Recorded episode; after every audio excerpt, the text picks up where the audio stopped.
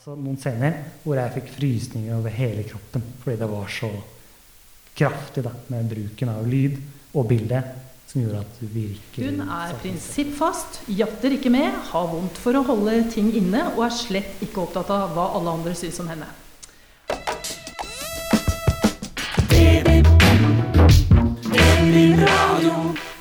Det er eh, vår, nesten sommer. Det er eh, sol og litt vind her i Drammen i eh, dag, på en tirsdag, da vi spiller inn denne episoden av Drammensbibliotekenes podkast.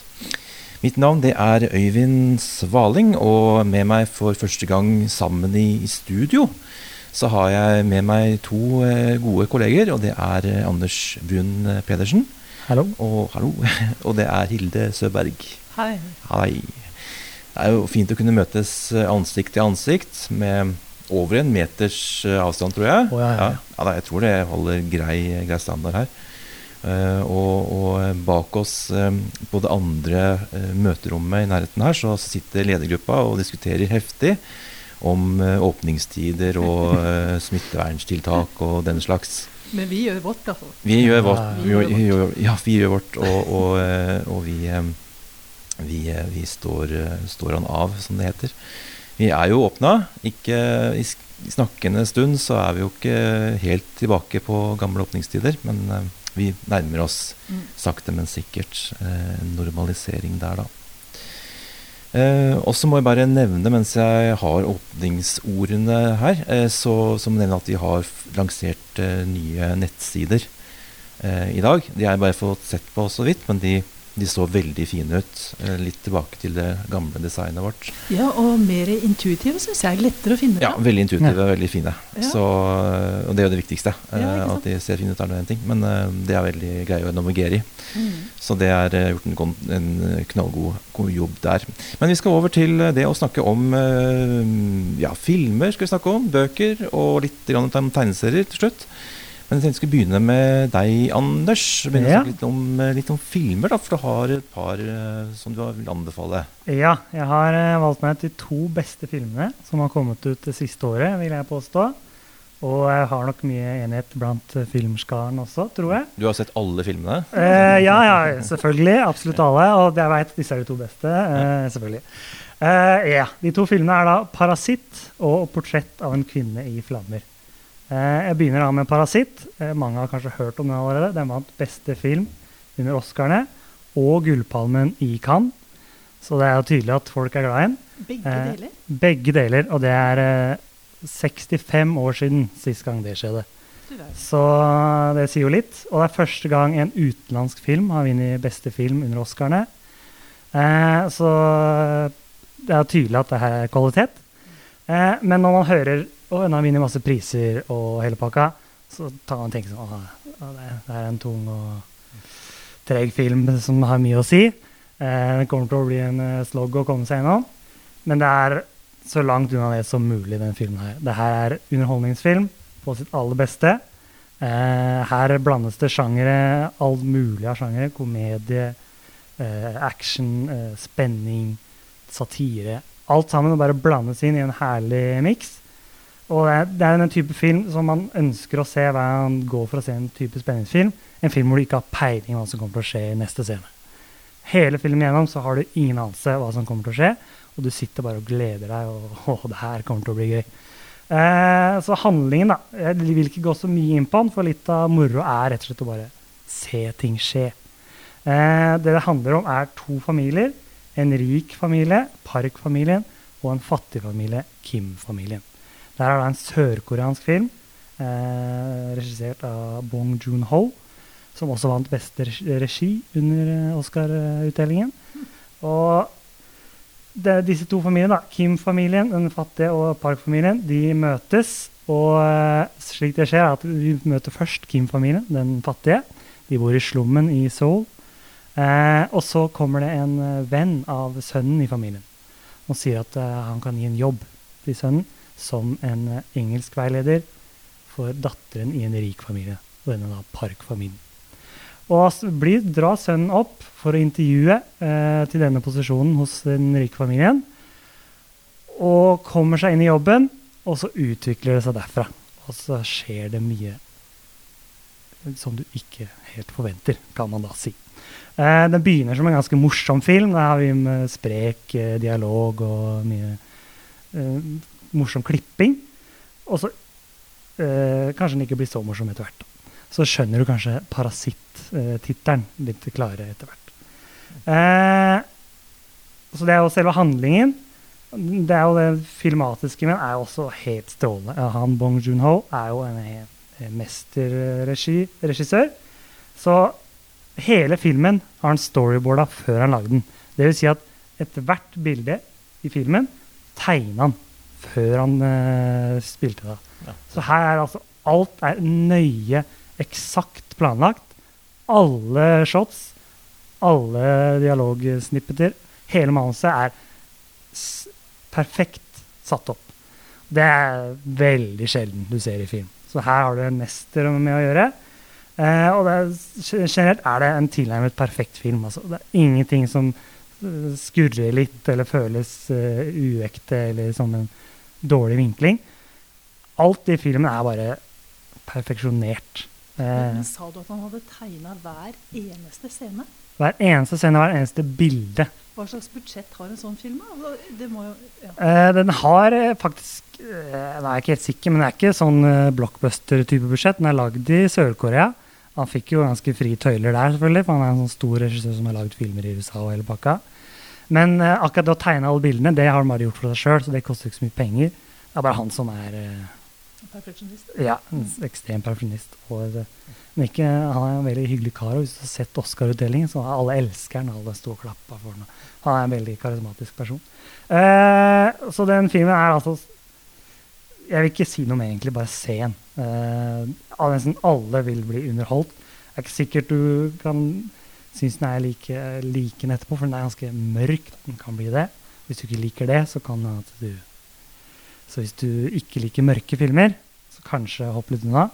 Men alle andre som bare blir underholdt, se filmen. Ikke les noe om den, ikke gjør noe annet, bare gå og se den.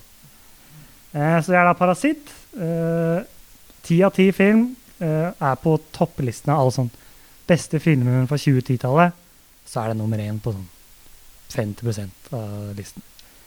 Den har jo vært veldig mye omtalt i, i media over lang tid, og jeg har ennå ja. ikke sett den. Så jeg, Nei, ikke sant? Sånn, om, altså mine forventninger bare stiger og stiger og stiger. og stiger, Så ja. jeg lurer på om de kan bli innfridd. Men det, det, det, blir spennende å se. Jeg skal få, få sett den eh, så fort som mulig. Ikke sant. Eh, det er interessant at den kommer fra Sør-Korea også. fordi at der har de jo hatt en veldig sånn, eh, sånn aktiv politikk på kultureksport eh, gjennom eh, mange, mange år. Så det er ikke helt tilfeldig at den kommer derfra. Det er, men det er veldig interessant å Jf. den diskusjonen som går nå om, om kultur som næring. da Mm Som går litt i avisspaltene her om dagen. Bare, mm, ja. Men, men eh, sørkoreansk film, jeg har ikke sett så mye av det. Hva Nei. er typisk sørkoreansk film? da? Altså, Er det noen, er det noe typisk sørkoreansk film? De som uh, kommer til utlandet, som blir store hiter fra uh, de største regissørene, Lee Chang-dong, uh, Park Chan-wook og han her Bong Joon-ho. Ja, filmene deres er liksom kategorisert at de er så ekstremt stilige, stilgjennomførte skrevet på en sånn Det er så tydelig at her har de hatt en plan og gjennomført det på en så god måte som mulig. Alle disse regissørene er perfeksjonister. Eh, og så er det ofte at de har mørke temaer.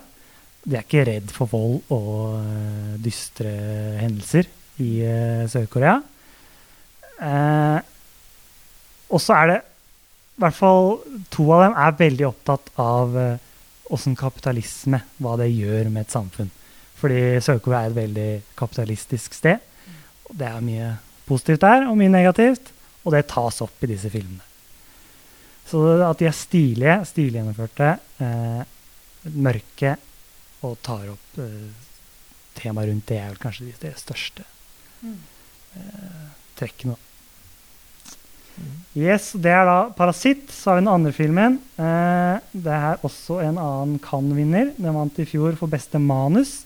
Det da, er 'Portrett av en kvinne i flammer'. Eh, en fransk film eh, regissert av Céline Sciama, en kvinnelig regissør. Og det er en av de få filmene hvor nesten alle i prosessen av filmen er kvinner. Og det kommer litt igjennom i filmen også. Eh, handlingen er da satt i 1700-tallet. Eh, maleren eh, Marianne eh, blir hyra inn til å male portrettet av en kvinne ved navn Heloise, som bor på en øy utenfor Frankrike. når hun, Marianne da kommer til øyen, så blir det klart for henne at Heloise ikke vil bli malt. Så hun må bli hyra inn som en turvenn for henne, Heloise og så se på henne mens de går, og så male portrettet i skjul i huset. Eh, og det portrettet da, det blir malt for hun skal bli giftet bort til en italiensk adelsmann. Eh, de, de, skal sende det portrettet, og så skal han da vurdere om hun er eh, verdig han. En form for eldgammel eh, Tinder-måte å gjennomføre det på, kanskje. Eh, og Heloise har da bodd mesteparten av livet sitt på et kloster, og hun vil ikke bli giftet bort. Og det er mye av grunnen til at hun da ikke vil ha dette portrettet. Eh, og så utvikler filmen seg videre derfra. Marianne, Marianne og Heloise møter sammen, finner hverandre. Det er en kjærlighet her som uh, utvikler seg. Eh, filmen har et sånn midtparti hvor disse to kvinnene og en uh, sånn uh, maid, jeg vet ikke helt hva norsk ord er for det her. Tjenestejente, Tjenestejente, ja. De tre blir alene på øyen. Moren til Heloise drar, det er ingen menn der. Eh, denne partien av filmen er bare så vakker, fordi det, da er det disse kvinnene som er et samfunn som ikke er så fritt. Og det er ikke så lett å være seg selv for kvinner i, på 1700-tallet. Da får de frihet til å gjøre akkurat som de vil. Og da er det sånn god stemning da, som er veldig opptagelig Eh, resten av filmen er ganske sånn dempet. I hvert fall i første tre kvart er det ganske dempet. Så utvikler den seg. Eh, det er selve handlingen. Og så er det det filmatiske. da. Eh, Hussein Skiama er en, eh, også en mesterregissør. Det er gjengangeren her. Eh, det audiovisuelle her er altså så strålende. Eh, vi tar det visuelle først. Filmen er um, filmet på et 8K-kamera. Det vil si at det er dobbelt så høy Eller jeg vet ikke helt åssen det regner ut. Men eh, dagens TV-er kan kun vise 4K. Så det her er oppløsningen. 8K er da uendelig mye mer oppløst enn det. Eh, og det det vil si da, for filmen, er at fargene og selve bildene i filmen er altså så eh, usedvanlig vakre og fargerike at det, det er en sånn eh, fadese å si, men ethvert bilde i filmen virker som et maleri. Det er altså så vakkert å se på. Eh, og du, det er de vakreste jentene selvfølgelig som er med i filmen. Det er en film, selvfølgelig. Da må det være vakre damer. Eh, og det er mye Det filmen gjør annerledes fra mye annet film, er siden den er regissert av en kvinne, kvinnelig manusforfatter, kvinnelig cinematograf og hele pakken, er at den har et sånn kvinnelig blikk. Mest, mesteparten av filmen har mannlig blikk. Så det er liksom du, du, du, Kvinner blir filmet fra en manns ståsted. Så det er visse ting som blir uh, satt tydelig press på. Er det, her er det da et kvinnelig blikk, så her er det mye shots av øynene til uh, disse to kvinnene. Og de ser på hverandre, og de slutter å se på hverandre. Det skapes mye sensualitet i det. Eh, også da er det at de da begynner å se på hverandre, holde blikket. Disse tingene der, det bygges opp over tid. Da. Det er en ganske rolig oppbygging som gjør at når det først blir eh, sensuelt og mye lidenskap, så kjennes det ekstra hardt. Og det samme gjør den i det audio, audio det lydbildet sitt. Det er jo, ofte i film er det jo mye stemningsmusikk. Vi er redde for at du ikke skal kjenne på den følelsen de vil du skal kjenne på. Så da leser de på med musikk. Denne filmen gjør det direkte motsatte. Nesten hele filmen er det ingen musikk. Eh, det er bare lydbildet i seg selv. Eh, lyden av bølgene som slår mot klippene osv. Eh, men når den først bruker musikk, som er et par sånn, klare sekvenser i filmen, så er jo det da ekstra, ekstra påvirkelig. Så er det et par scener der hvor det, musikken kommer inn, hvor jeg er en ganske stor kar som eh, ikke får så mye følelser når jeg ser film, selv om jeg elsker film. Men her er det da altså noen scener hvor jeg fikk frysninger over hele kroppen fordi det var så kraftig da, med bruken av lyd og bilde som gjorde at du virkelig satte en støtt i det. Eh, så denne filmen er altså Hvis du har lyst til å se en uh, lidenskapelig film som er uh, ekstremt vakker å se på, med et uh, kjempeflott manus med masse dialog som er tvetydig og naturlig, så er det løp og kjøp, løp og lei. og lei en helst på Blu-ray. Ja. For da får du best bilde. For Jeg så den i forrige uke, og jeg syns den var så sanselig. Og det var så vakkert. Ja. Det der noe med lys, natur, og, og, litt av en kjærlighetshistorie. Og så er det jo også noe med kvinner som objekt. da, Blir jo veldig sånn objektivisert, syns jeg. Så det, det, var en fantastisk uh, film på mange vis, altså. Ja. Helt enig. Eh, ja, eh, det var eh, film. Det var først 'Parasitt', og det var 'Portrett av en kvinne i flammer'. Det var Anders som anbefalte disse to. Da skal vi over til det vi vanligvis snakker mest om. Det er da bøker. Og da er det deg, Hilde. Du har med deg en bok som heter 'For melkemannen' ja. av Anna Burns. Stemmer. Da skal vi til Irland. Den er irsk. Mm. Uh, og det var jo sånn at uh, Sinn Fein vant jo valget i Nord-Irland nå nylig. Og, men vi skal tilbake til et annet Nord-Irland, da Sinn Fein besto av politiske opprørere som brukte alle tenkelige midler for å markere sitt politiske syn. da, Og det var jo IRA som herska, ikke sant? Og det var jo hele tida voldelige konflikter mellom protestanter og katolikker. Og det var den perioden som ble kalt The Troubles, med rette. Og det er en by med religiøs geografi. Alt er politisert. Det er oss, det er dem, det er krig, det er paranoia. Alle skjønner hva som er tillatt og ikke. Alle mistenker alle. Alle spionerer på alle. Og da ender det med at initiativ forvandles til motløshet og apati. Alle i denne boka er navnløse. De er kun nevnt med relasjoner. da, Så hovedpersonen, mellomsøster, er 18 år. Dersom hun går ut, så går hun og leser. Og hun foretrekker 1800-tallsromaner, for det ligger en frihet i det for henne. For da slipper hun å forholde seg til den komplekse hverdagen da. Og de fleste hun kjenner, de er ikke lykkelige. Hun nevner aldri noe for noen. Det er hennes måte å holde seg trygg på. Det er mange deprimerte i nabolaget, men på den tida der så snakka man jo ikke om depresjoner. De har humør, heter det. Livet er tøft for alle, så folk må bare vær så god ta seg sammen. Alle har jo mista nære familiemedlemmer, men det finnes altså et hierarki for sorg og lidelse, da. Helt fra 16-årsdagen så har mora vært bekymra for at mellomsøster, bare 18 år gammel, ikke er gift. For nest etter landegrenser så er det sånn at ekteskapet er statens grunnmur, faktisk. Det var da. Det er ikke meninga at ekteskapet skal være en dans på roser, for ekteskapet er en plikt overfor fellesskapet. For stor og varig lykke, det er altså for mye å be om. Mellomsøster har kanskje kjæreste. De to har det fint sammen, så fins det kanskje går an da, i det paranoide samfunnet. Men det blir fryktelig vanskelig for jenta da sjølveste Melkemannen viser interesse for henne. Han er en paramilitær leder, og han bare tar alt han vil ha. Hun gjør det hun kan for å unngå ham, men han dukker opp til stadighet. Og han veit alt om henne.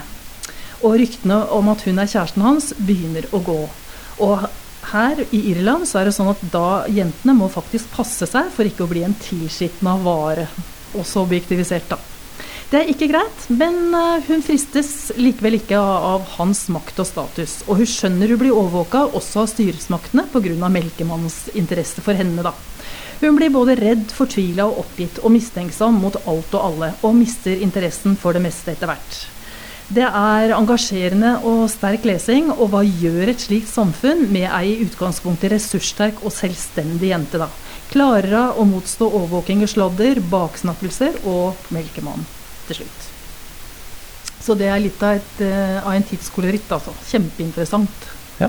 Mm. Og så hadde du en bok til også som du ville si litt om. Uh, det var da 'Olive' av Elisabeth Strout? Var det ja. ja. Og Olive hun er faktisk skapt i Norge. Elisabeth Strout har vært en del i Norge. og Hun satt på en kafé i Oslo og så en godt voksen dame komme inn gjennom døra. Og da tenkte jeg dette er Ollie. Så det er ikke så verst. Og Ollie Kitteridge hun er ei godt voksen dame. Dette er bok nummer to om henne.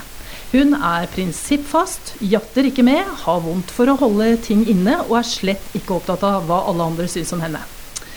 Hun har én sønn, og sønnen han har flytta langt unna. Og det hender nok hun lurer på om det har noe med henne å gjøre.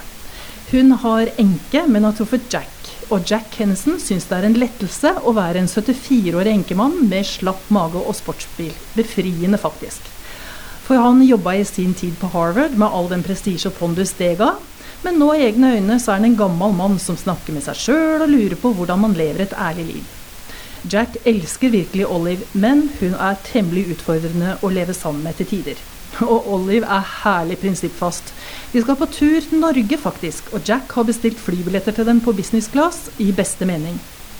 Men Olive kjører av prinsippet ikke business, hun kjører økonomiklass, og sånn blir det. Billetten hennes må byttes, det blir tur til Oslo, hvor de sitter i hver sin del av flyet.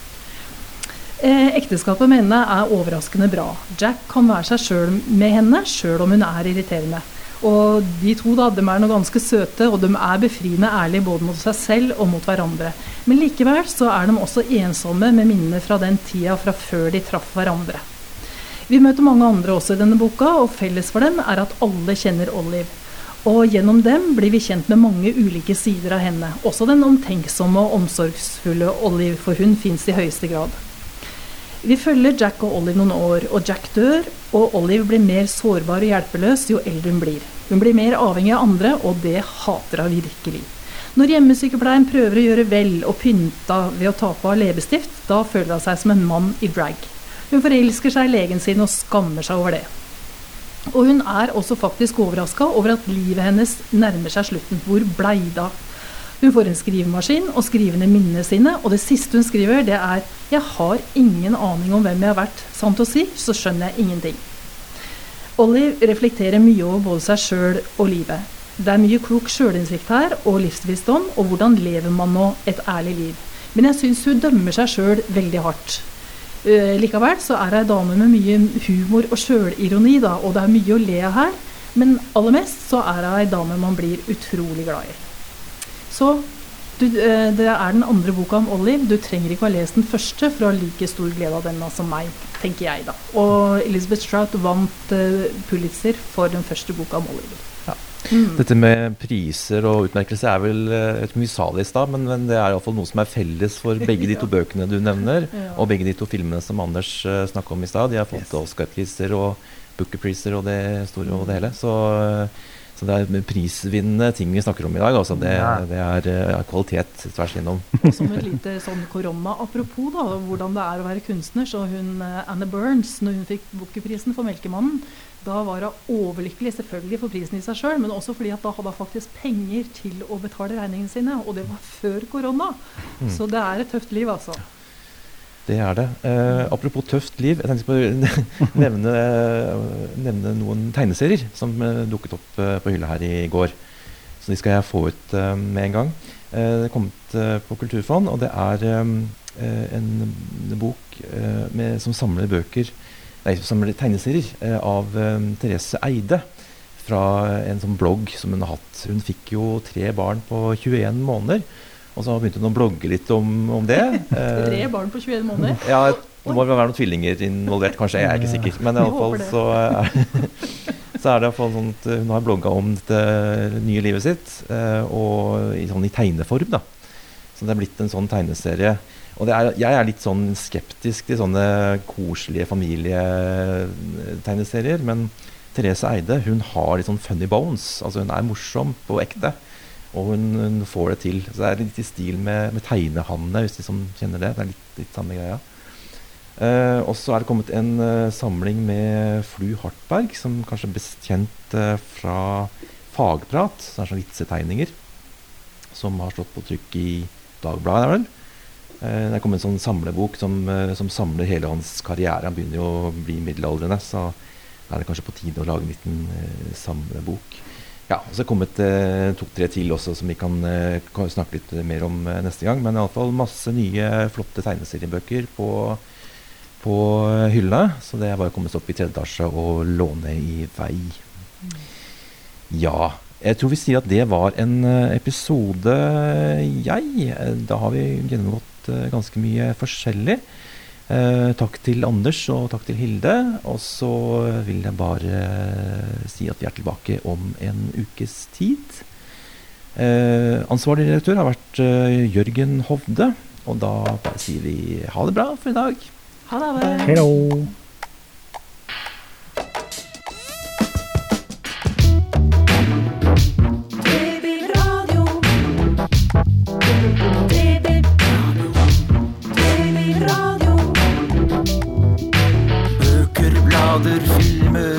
Aviser.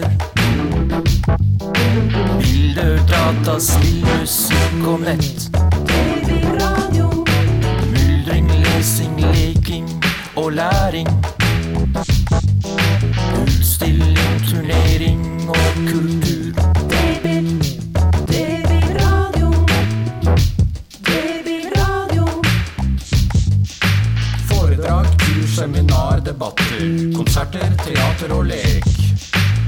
Brabants bibliotek